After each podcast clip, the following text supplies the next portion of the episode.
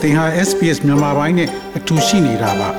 sbs.com.au/burmese မှာပုံမထူးခဲ့တဲ့သတင်းစာမားတွေကိုရှားဖွေပါ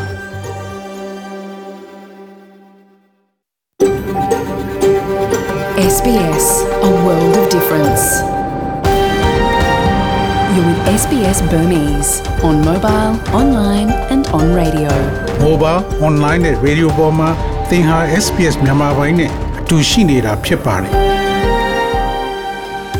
တော်ရရှိမြတ်ချက်သိမင်္ဂလာဖျားဖျားနဲ့ပြည်စုံတော်မူကြပါစားခင်ဗျာဒီနေ့မတ်လ29ရက်အင်္ဂါနေ့မြန်မာပိုင်းစီစဉ်များကို SPS Radio မှာစတင်သံလွှင့်နေပါရခင်ဗျာဒီနေ့စီစဉ်များကိုကျွန်တော်ကြော်ထွန်းအောင်ခေါ်တယ်ရိုအောင်ကတင်ဆက်သွားမှာဖြစ်ပြီးယနေ့ပါဝင်မိအစီအစဉ်တွေကတော့တန်လွင်ခက်ကပေးပို့ထားတဲ့ ຫນွေဦးတော်လန်ရေးတပ်ဦးကိုမချိုးနိုင်ပဲအချိန်ချင်းချဆုံးနေရတဲ့စစ်ကောင်စီဆိုတဲ့ဆောင်းပါနောက်တစ်ခါဒီနေ့ည9နာရီကတင်ဆက်သွားတဲ့ Federal Budget နဲ့ပတ်သက်ပြီးကျွန်တော်နဲ့မူလိုင်းသိန်းတို့ကအသေးစိတ်ဆွေးနွေးထားတာတို့ကိုနားဆင်ရမှာဖြစ်ပါတယ်ဒီနေ့ကောင်းကြီးပိုင်းသတင်းတွေကတော့အနောက်တောင် Pacific တရုတ်စစ်ရေးစိုးမိုးနိုင်ခြေကို Australia ဆိုရင်ရုရှားထိုးစစ်ယူကရိန်းရှေ့ပိုင်းဒေါန်ဘတ်မှာအရှိန်မြင့်တက်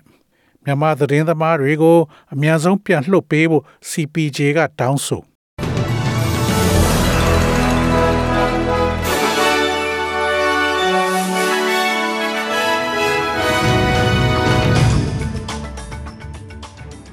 ယခုချိန်ကစပြီးသတင်းများကိုကျွန်တော်ကြော်ထုတ်အောင်ကစတင်ဖတ်ကြားပါတော့မယ်။အနောက်တောင်ပစိဖိတ်တရုတ်စီရေးကြီးစိုးနိုင်ခြေကိုဩစတြေးလျဆိုရင် ဩစတြေးလျရဲ့အရှေ့မြောက်ဘက်မိုင်2000အဝေးမှာရှိတဲ့ Pacific ဒေသအနောက်တောင်ဘက်ပိုင်းမှာရှိတဲ့ Solomon ကျွန်းစုနိုင်ငံဟာ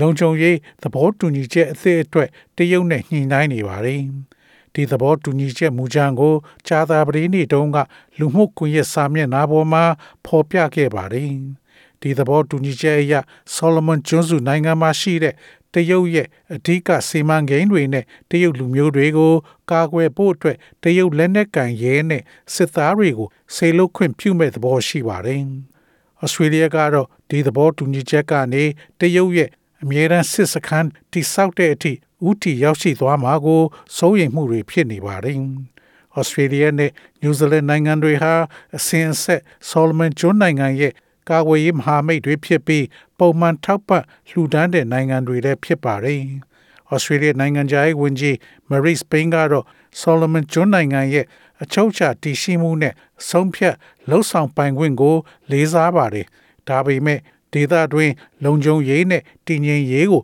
ထိခိုက်မှာကိုတော့စိုးရိမ်တယ်လို့ပြောဆိုပါတယ်။နယူးဇီလန်ကတော့ဒီစီဇန်ဟာဒေသအတွင်းလုံခြုံရေးကိုမတိမငြိမ်ဖြစ်စေမဲ့အန္တရာယ်ရှိတယ်လို့ပြောဆိုပါတယ်။ Solomon ကျွန်းစုနိုင်ငံအစိုးရကတော့တရုတ်အပါအဝင် နောက်ထပ်နိုင်ငံတွေနဲ့လည်းလုံခြုံရေးဆိုင်ရာသဘောတူညီချက်ကိုချဲ့ထွင်းတာဖြစ်တယ်လို့ပြောဆိုပါတယ်။ Solomon ဆိုဟာတိုင်ဝမ်နဲ့တရားဝင်ဆက်သွယ်မှုတွေပြုလုပ်ခဲ့ပြီးနောက်2019ခုနှစ်မှာတရုတ်နဲ့သံတမန်ဆက်ဆံရေးထူထောင်ခဲ့ပါတယ်။ Indo-Pacific ဒေသအတွင်းတရုတ်ရဲ့ဩဇာကြီးထွားလာမှုကြောင့် Australia ရဲ့စိုးရိမ်မှုတွေလည်းတိုးလာနေပါတယ်။ ပြီးခဲ့တဲ့နှစ်ထဲအကူအညီပေးရေးအစီအစဉ်တွေအတွက်အသုံးစရိတ်တွေကိုလည်းတိုးမြင့်သုံးစွဲထားပါတယ်။ရုရှားထိုးစစ်ယူကရိန်းအရှေ့ပိုင်းဒွန်ဘတ်မှာအရှိန်မြင့်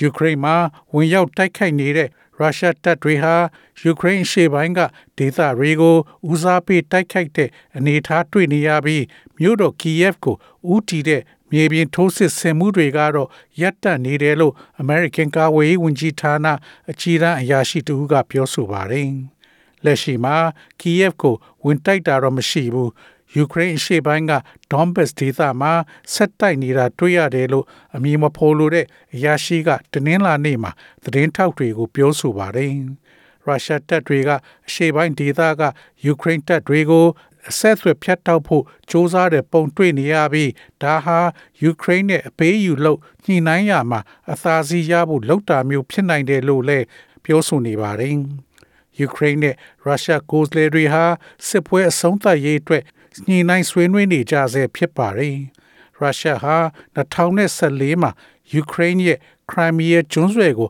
သိမ်းပိုက်ခဲ့ပြီးယူကရိန်းရှေ့ပိုင်းဒွန်ဘတ်ဒေသကခွဲထွက်ရေးသမားတွေကိုပံ့ပိုးထောက်ခံပေးခဲ့တာဖြစ်ပါတယ်။ယူကရိန်းမှာတခြားမြို့ကြီးအတော်များများကိုရုရှားတပ်တွေမသိမ်းနိုင်အောင်ယူကရိန်းတပ်တွေကလှုပ်ဆောင်ခဲ့တာဖြစ်ပါတယ်။ယူကရိန်းကိုရုရှားဝင်ရောက်ကျူးကျော်ခြင်းကစပြီးတောင်ပိုင်းမာရီပိုမြို့ကိုရုရှားတပ်တွေကပြင်းပြင်းထန်ထန်ပစ်ခတ်တိုက်ခိုက်ခဲ့တာကြောင့် အခုဆို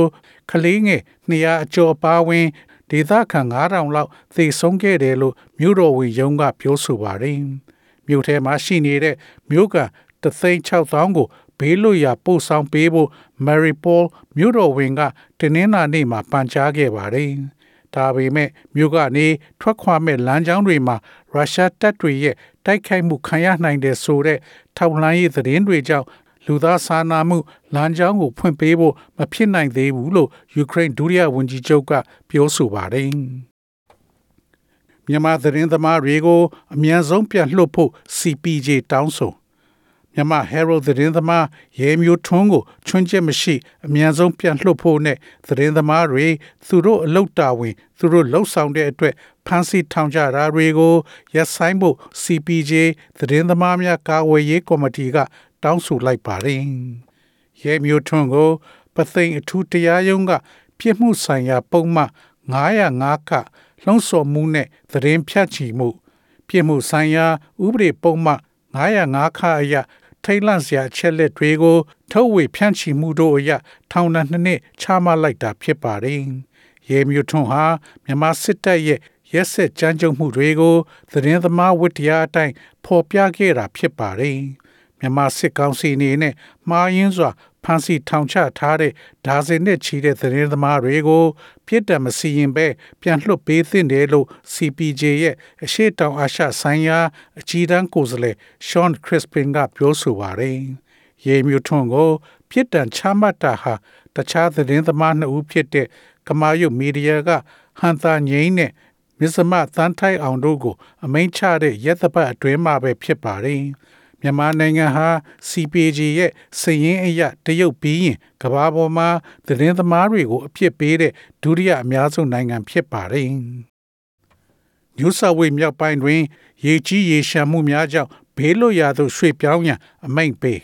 New South Wales ပြည်နယ်သို့ရာသီဥတုပြင်းထန်သောဒေသသို့မိုးသီးထန်စွာ ပြန်လည်ရွာချနေချိန်မှာပြည်내မြောက်ပိုင်းမှာဘေးလွတ်ရာသို့ရွှေ့ပြောင်းရန်အမိန့်ထုတ်ပြန်ခဲ့ပါတယ်။ ပြည်내အရေးပေါ်ဝန်ဆောင်မှုများအနေဖြင့် Lismore တွင်ရေကြီးမှုအလေအလတ်မှအကြီးအကျယ်ရေကြီးမှုများအထူးသဖြင့်လွန်ခဲ့သောတစ်လကရေလွှမ်းမိုးခဲ့သောဒေသများတွင်ဒီလိုထပ်မံရေကြီးမယ်လို့မျှော်မှန်းထားကြောင်းသိရှိရပါတယ်။ Coffs Harbour နဲ့ Greater Sydney ရှိ Hawkesbury တို့ကို အပြင်းထန်ရိုက်ခတ်လိမ့်မယ်လို့မိုးလေဝသဘီရိုကခန့်မှန်းထားပါတယ်။ New South Wales ရေပေါ်ဝန်ဆောင်မှုဆိုင်ရာဝန်ကြီး Steph Cook က ရေလွှမ်းမိုးမှုသည်လက်ရှိအခြေအနေရဲ့ကန်ဆိုးသောအဖြစ်ဖြစ်ဖြစ်တော်လဲ၎င်းတို့ကိုကူညီရန်အစိုးရကအသင့်ရှိကြောင်းပြောဆိုပါတယ်။ကျွန်ုပ်တို့သည်မြောက်ပိုင်းဒေသရှိပြည်သူများနှင့်ခိုင်မာစွာရပ်တည်ကြောင်းအာမခံချက်ပေးလိုပါတယ်။ဒီအချိန်ကိုဖျက်ကျော်မယ်ကျွန်တော်တို့ပြန်လည်ထူထောင်ရေးလုပ်ငန်းများကိုဆက်လက်လှုပ်ဆောင်နေပါတယ်။ ကျွန်တော်တို့ဟာဤနောက်ဆုံးပေါ်ရာသီဥတုအခြေအနေကိုဖျက်ဆီးနေစဉ်တွင်၎င်းတို့ကို နောက်48နာရီသို့မဟုတ်ထိုးထက်ကြအောင်ကိထတားထားနိုင်တော်လဲ၎င်းတို့ကိုဆက်လက်လှုပ်ဆောင်မှာဖြစ်ပြီးကျွန်ုပ်တို့ရှေ့သို့ဆက်လက်ချီတက်သွားမှာပါရိုဟင်ဂျာစခန်းအကြီးဆုံးစာသင်ကျောင်းဘင်္ဂလားဒေ့ရှ်အာဏာပိုင်တွေကပိတ် မြန်မာနိုင်ငံတွင်2018ခုနှစ်ကစစ်တပ်ရဲ့နယ်မြေရှင်းလင်းမှုကနေထွက်ပြေးလာတဲ့ရိုဟင်ဂျာဒုက္ခသည်8,500လောက်ကိုဘင်္ဂလားဒေ့ရှ်ကလက်ခံထားရပြီးဒါဟာဆိုရင် လူမျိုးတုံးသတ်ဖြတ်မှုအဖြစ်လဲအမေရိကန်ပြည်ထောင်စုကဒီသတင်းပတ်အတွင်းမှာပဲသတ်မှတ်ခဲ့ပါတယ်။ပြီးခဲ့တဲ့ဒီဇင်ဘာလကနောက်ပိုင်းဘင်္ဂလားဒေ့ရှ်အာဏာပိုင်တို့ကရိုဟင်ဂျာတို့ဖွင့်ထားတဲ့ကျောင်းတွေကိုပိတ်နေတာမှာ ပြီးခဲ့တဲ့သတင်းပတ်အတွင်းမှာတော့ကာယာဖူရီကျောင်းကို ပိတ်လိုက်ပါတယ်။ခွင့်ပြုချက်မရှိဘဲကျောင်းဖွင့်တာကတော့လက်ခံနိုင်ပွဲမရှိဘူးလို့အမည်မဖော်တဲ့ဘင်္ဂလားဒေ့ရှ်အခြေခံတာဝန်ရှိသူတူက AFP ကိုပြောဆိုပါတယ်။နှစ်နဲ့ချီဖွင့်လာတဲ့ကျောင်းကိုရုတ်တရက်ကြီးပိတ်လိုက်တာလို့ကာယာဖူရီကျောင်းကကျောင်းအုပ်မိုဟာမက်ရှိုဘတ်ကပြောဆိုပါတယ်။ရိုဟင်ဂျာလူမှုအသိုင်းအဝိုင်းခေါင်းဆောင် မိုဟစ်အာလာကိုပြီးခဲ့တဲ့စက်တင်ဘာလအတွင်းလောက်ချံခံခဲ့ရတာဖြစ်ပြီးဒုက္ခသည်စခန်းတွင်အတိုက်ခံတွေကိုသတ်ဖြတ်နေတယ်လို့ပြောဆိုခံရတဲ့ရိုဟင်ဂျာစစ်သွေးကြွအဖွဲ့တစ်ခုရဲ့လက်ချက်လို့ဆွဆွဲထားပါတယ်။ကျောင်းကိုပိတ်ပြီးပစ္စည်းတွေကိုပါယူသွားကြောင်းချောင်းအုပ်မိုဟာမက်ရှိုဘတ်ကပြောဆိုပါတယ်။ ကျောင်းဆရာတွေနဲ့စီးပွားရေးပြည်လေတဲ့ဒုက္ခသည်မိသားစုတွေရဲ့ထောက်ပံ့မှုနဲ့ဖွင့်ထားတဲ့ဒီပုတ်ကလိကကျောင်းမှာအတန်းကြီးကျောင်းသား600လောက်ကိုမြန်မာဘာသာနဲ့သင်ရိုးညွန်းတန်းကိုသင်ကြားပေးနေတာဖြစ်ပြီးတစ်ချိန်မှာဒီကျောင်းသားတွေဌာနေပြန်နိုင်ဖို့မှန်းထားတာဖြစ်ပါတယ်။ NDIS ကိုအပြောင်းလဲလုပ်ဖို့တောင်းဆိုမသန်စွမ်းတဲ့အဖွဲ့များက NDIS ကိုပြုပြင်ပြောင်းလဲရန်တောင်းဆိုပြီးလွှတ်တော်သို့ အိတ်ဖွင့်ပေးစာတစ်စောင်တင်ပြရန်ပြည်ထောင်စုဘတ်ဂျက်မတိုင်မီကင်ဘရာသို့ရောက်ရှိခဲ့ပါတယ်။အဖွဲ့သည် Labor Party ခေါင်းဆောင် Anthony Albanese နဲ့အတိုက်ခံ NDS ပြောရေးဆိုခွင့်ရှိသူ Bill Shorten တို့အားအင်္ဂါနေ့တွင် တင်ပြခဲ့ပြီး၎င်းတို့အားရခိုင်အချိန်ကအတိုင်းအစီအစဉ်တွေကို ပြန်လည်လှုပ်ဆောင်ပေးရန်ဂရိပေးရန်တောင်းဆိုခဲ့ပါတယ်။ မတန်ဆွမ်းသူအများပြားသည် အခက်ခဲများနှင့်စိတ်ပျက်စရာဖြစ်သော၎င်းတို့ရဲ့အစီအစဉ်များကိုရက်ဆက်ကြမ်းကြုတ်စွာနှင့်ရှင်းပြမရနိုင်သော ဖြတ်တောက်မှုများကို တွေ့ကြုံခံစားခဲ့ရတယ်လို့ဆိုပါတယ်။ Inclusion Australia ရဲ့အမှုဆောင်အရာရှိချုပ် Ellie Desma Healy က NDIS နဲ့ပတ်သက်သော သူမကိုယ်တိုင်တွေ့ကြုံကိုအုပ်စုအားပြောကြားခဲ့ပြီး၎င်းတို့ရဲ့လှုပ်ရှားမှုသည်ငွေကြေးအတွက်သာမကမသန်စွမ်းသူများအတွက်လေးစားမှုရရှိဖို့အတွက်လည်းဖြစ်ကြောင်းပြောဆိုပါတယ်။ They wouldn't even give me enough funding for catheter bags for an entire year. Is I wasn't seen as a human anymore. I ကျမ was တို့ seen က as a ကျမ number တို့ on အတွက် a တစ်နှစ် spreadsheet. ပတ်လုံး catheter A အတွက် လုံလောက်တဲ့ရန်ပုံငွေကို မရရှိခဲ့ပါဘူးကျမတို့ကို လူသားအဖြစ်မမြင်တော့ပါဘူးစီရင်စရာတစ်ခုမှာကျမကိုနံပါတ်တစ်ခုအဖြစ်သာမြင်ကြပါတယ် SBS SBS SBS SBS SBS This is SBS Radio. ငွေလဲနှုန်းမှာတော့ Australian dollar ကိုမြန်မာကျပ်ငွေ1334ကျပ်ရရှိပြီး American dollar ကိုမြန်မာကျပ်ငွေ1980ကျပ်ရရှိပါတယ်။ Australian dollar ဟာ American 84စင့်နဲ့ညီမျှပါတယ်။မနေ့ဖြန် Australia တိုက်မှာရှိတဲ့မြို့ကြီးများရဲ့မိုးလေဝသခန့်မှန်းချက်ကတော့ Sydney မြို့မှာအပူချိန်22 degree centigrade ရှိမှဖြစ်ပြီးမိုးရွာသွန်းမှဖြစ်ပါတယ်။ Melbourne မြို့မှာ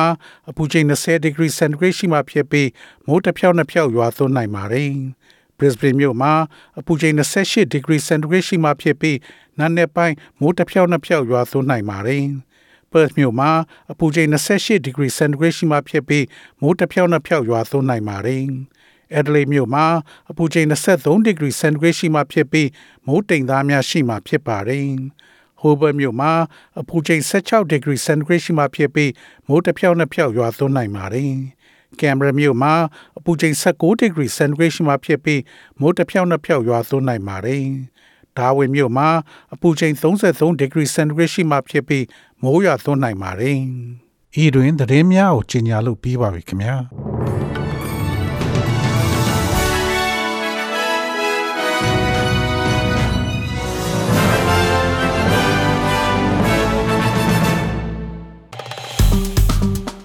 SPS မြန်မာပိုင်းကို Facebook ပေါ်မှာ like ရှာပြီး like မျှဝေမှတ်ချက်ပေးပါ